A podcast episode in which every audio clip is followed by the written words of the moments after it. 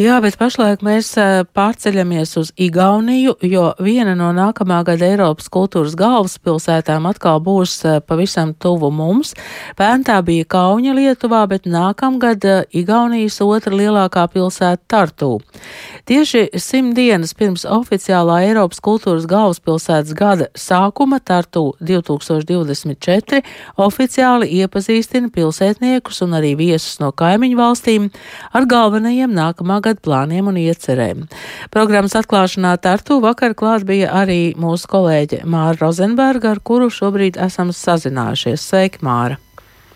Sveiki, Ingvilda, un labdien, klausītāji! Esiet sveicināti no Tartu pilsētas Dienvidu Igaunijā. Vai e, šī atklāšana bija pietiekami e, spoža un krāšņa, vai tas bija vairāk informatīvs notikums? Zini, tas ir interesanti, jo patiesībā šī jau vēl nav tāda pati Eiropas kultūras galvaspilsētas gada atklāšana. Tā būs tikai 26. janvārī, kad tiešām Tartu būs Eiropas kultūras galvaspilsētas godā. Bet Tartu patiešām šo uh, godu ņem ļoti nopietni, tāpēc arī pašas programmas atklāšana, tātad vēl trīs mēnešus pirms gada sākuma, bija patiešām iespaidīgs notikums ar veselu koncertu, kurā piedalījās par spīti vakar snigušajiem slapjiem sniegam, kas te tartu bija. Um, notika ar, ar mūziķiem ļoti pazīstamiem Igaunijā, ar akrobātiem, ar dejotājiem. Uh, un, um, tas, tas viss bija tikai tāpēc, lai atklātu kartu iedzīvotājiem un arī viesiem to, kas tad ir gaidāms nākamajā gadā. Un tas notika viss tādā bijušās rūpnīcas iekškvartālā kas līdzīgi kā te pie mums Rīgā, Vefā vai Sporta kvartālā ir pārvērsta par nu, jau ļoti labi iekārtotu un tādu stilīgu, radošo kvartālu. Jā, nu, Tartu ir otrā Igaunijas pilsēta, kā jau teicu, kas uh, saņem šo Eiropas kultūras galvaspilsētas godu 2011. gadā. Tā bija Tallina, un cikls ir ik pa 13 gadiem, kad valstī atgriežas šī iespēja kādai pilsētai kļūt par Eiropas kultūras galvaspilsētu. Lietuvā tātad jau ir bijušas divas pilsētas. Eh, Viļņa 9. gadā un Kauņa 22. Igaunijā tātad Tartu būs nākamgad. Latvija būs pēdējā no trim valstīm, kur būs otrā gal kultūras galvaspilsēta, tātad Liepāja 27. gadā. Un, uh, Tartu pirms pieciem gadiem sacensībā par to, par kļūšanu par šo galvaspilsētu uzvarēja Narvu. Uh, Un nākamgad tā būs Eiropas kultūras galvaspilsēta kopā ar tādu pilsētu kā Bādīšla Austrijā un arī Budē Norvēģijas ziemeļos. Bet, nu, kā Tartu mums vistuvāk un ļoti iecienīt arī latviešu turistu vidū. Tad, protams, mēs pirmo akcentu liekam uz to, kas tad būs Tartu piedāvājumā. Un, jāsaka, ka tiešām Tartu ir ļoti nopietni un vērienīgi pie, piegājuši šai lietai, jo viņi ļoti un viņi velta ļoti lielu uh, spēku publicitātei. Jo var redzēt, ka te ļoti labi apzinās, ka šis kultūras galvaspilsētas status ir tāda liela sabiedrisko attiecību iespēja. Un īpaši svarīgi tas ir tādai mazākai pilsētai, kas nav galvaspilsēta. Un šajā gadījumā Eiropas, Tartu zem tā Eiropas kultūras galvaspilsētas spārne ir paņēmusi visu dienvidu Igaunijas reģionu un, un tā saudabīgās dažādās kultūras.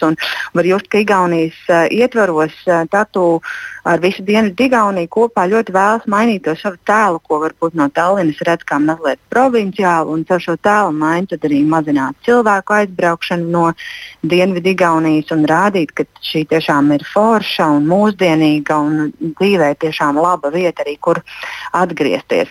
Man bija iespēja apsēsties uz sarunu arī ar uh, Tartu mēru Urmas Klāsu, kurš ir pie pilsētas stūris jau gandrīz desmit gadus un bijis arī klāt lēmumu pieņemšanā par to, ka Tartu vajadzētu piedalīties un ieguldīt savu naudu šajā lielajā projektā un ir sekojis līdz tam, kā tas viss ir attīstījies. Es viņam jautāju, kādu stāstu viņi grib par Tartu stāstīt, ko viņi gribētu, lai cilvēki redz caur šo Eiropas kultūras galvaspilsētas iespēju. Varam mazliet paklausīties. It is important to understand that Tartu is European Capital of Culture together with 19 municipalities from southern Estonia. Svarīgi, ka Tartu būs Eiropas kultūras galvaspilsēta kopā ar 19 Dienvidu-Igaunijas pašvaldībām, nevis tikai Tartu viena pati. Protams, Tartu vienmēr ir bijusi Igaunijas kultūras galvaspilsēta. Te dzima mūsdienu Igaunija, Tartu ir dziesmu svētku tradīcijas šūpulis, te radās pirmais profesionālais teātris. Te atrodas vecākā un nozīmīgākā Igaunijas universitāte. Tartu bija bija ļoti svarīga loma Igaunijas un arī Latvijas nacionālajā atmodā. Galu galā te mācījās Krišjāns Valdemārs un citi jaunatvieši. Bet šodien mums ir būtiski, gan kā pilsētai, gan kā visam Dienvidigaunijas reģionam, būt vairāk pamanītam. Mēs varam Eiropai piedāvāt daudz ko interesantu. Šeit ir liela kultūras daudzveidība. Mums ir setu kultūra, veru kultūra, vectecībnieku kultūra pie Peipus ezera. Tas viss caurvīja mūsu programmu. Caur Eiropas kultūras kultūras galvaspilsētas titulu, mēs vēlamies stiprināt savu pašapziņu un tikt vairāk pamanīti Eiropas kultūras kartē.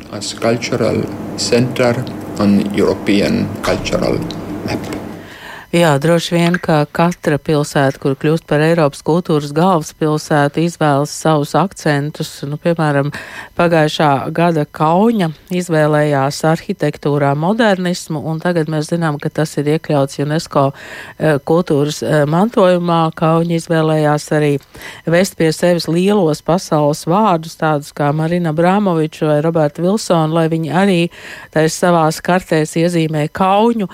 Kā tu domā, kā būs ar Tartu? Jā, Tartu ir izvēlējusies, manuprāt, mazliet citu ceļu.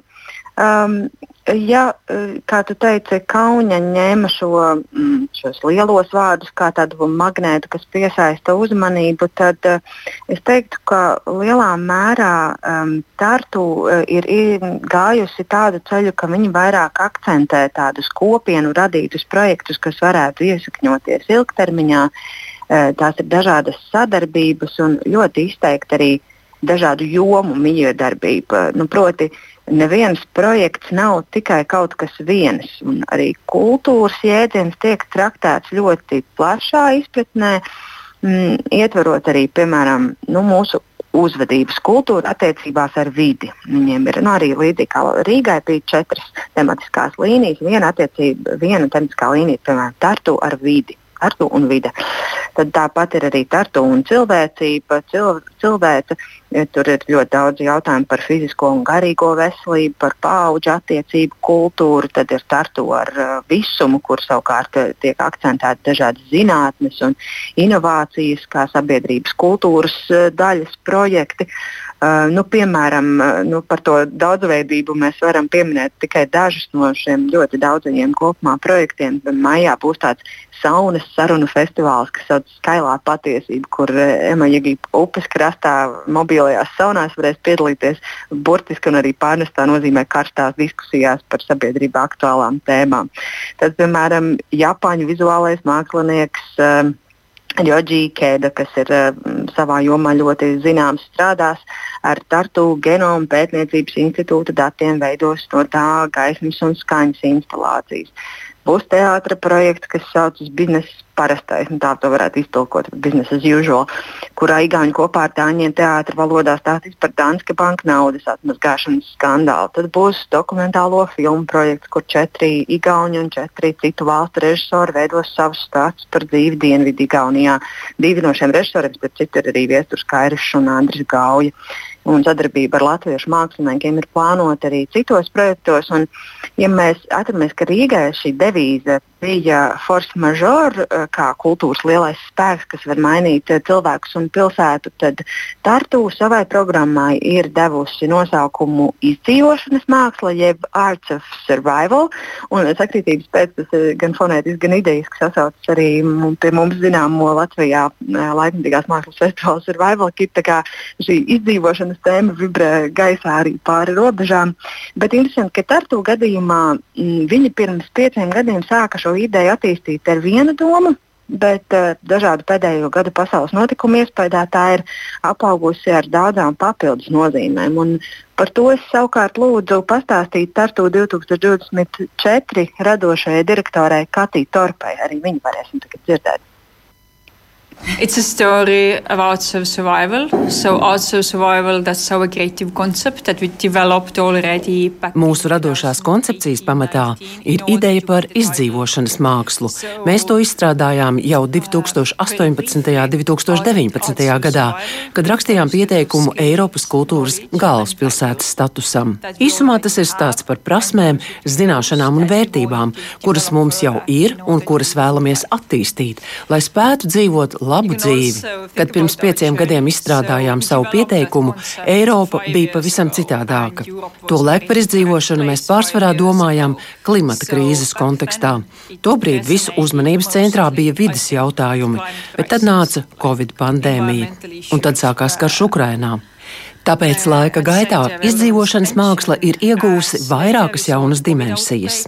Mūsu radošā koncepcija man šodien šķiet vēl aktuālāka nekā pirms pieciem gadiem, kad ieguvām tiesības kļūt par Eiropas kultūras galvaspilsētu.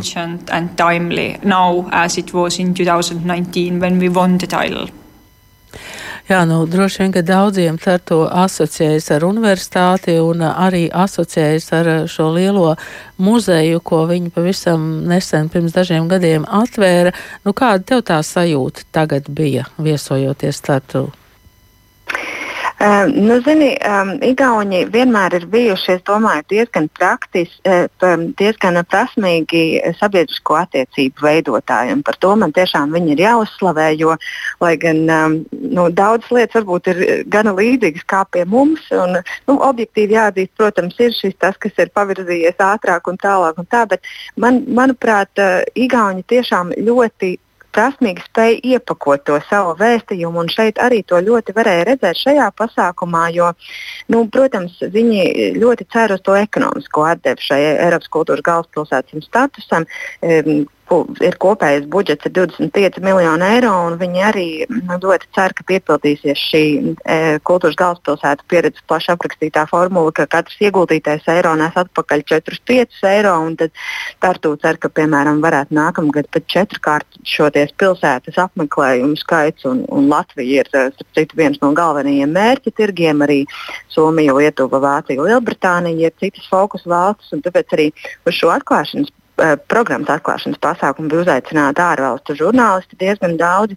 Gan no šīm valstīm, gan arī iespējams satiku kolēģus, kas raksta žurnālu National Geographic Polijā vai arī Ceļadim Lolija Planet Itālijā. Un tur šī autora teica, ka viņi piemēram meklē jaunus galavērķus, kur vasarā nav tik karsts. Tā kā lūk, jums klimata pārmaiņas un izdzīvošanas māksla.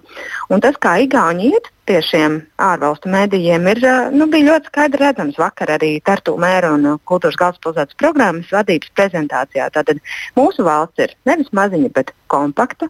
Mēs esam izcili digitāli attīstīti, vienlaikus ļoti zaļi ar daudzām salām un mežiem. Uh, Mums ir senas un bagātas kultūras tradīcijas, ko mēs ļoti cienām, bet vienlaikus mēs arī esam pirmā postpadomu valsts, kas atzinusi vienzimumu laulības. Mums ir vecākā universitāte, un vienlaikus mēs gribam būt klimata neitrāli līdz 2030. gadam.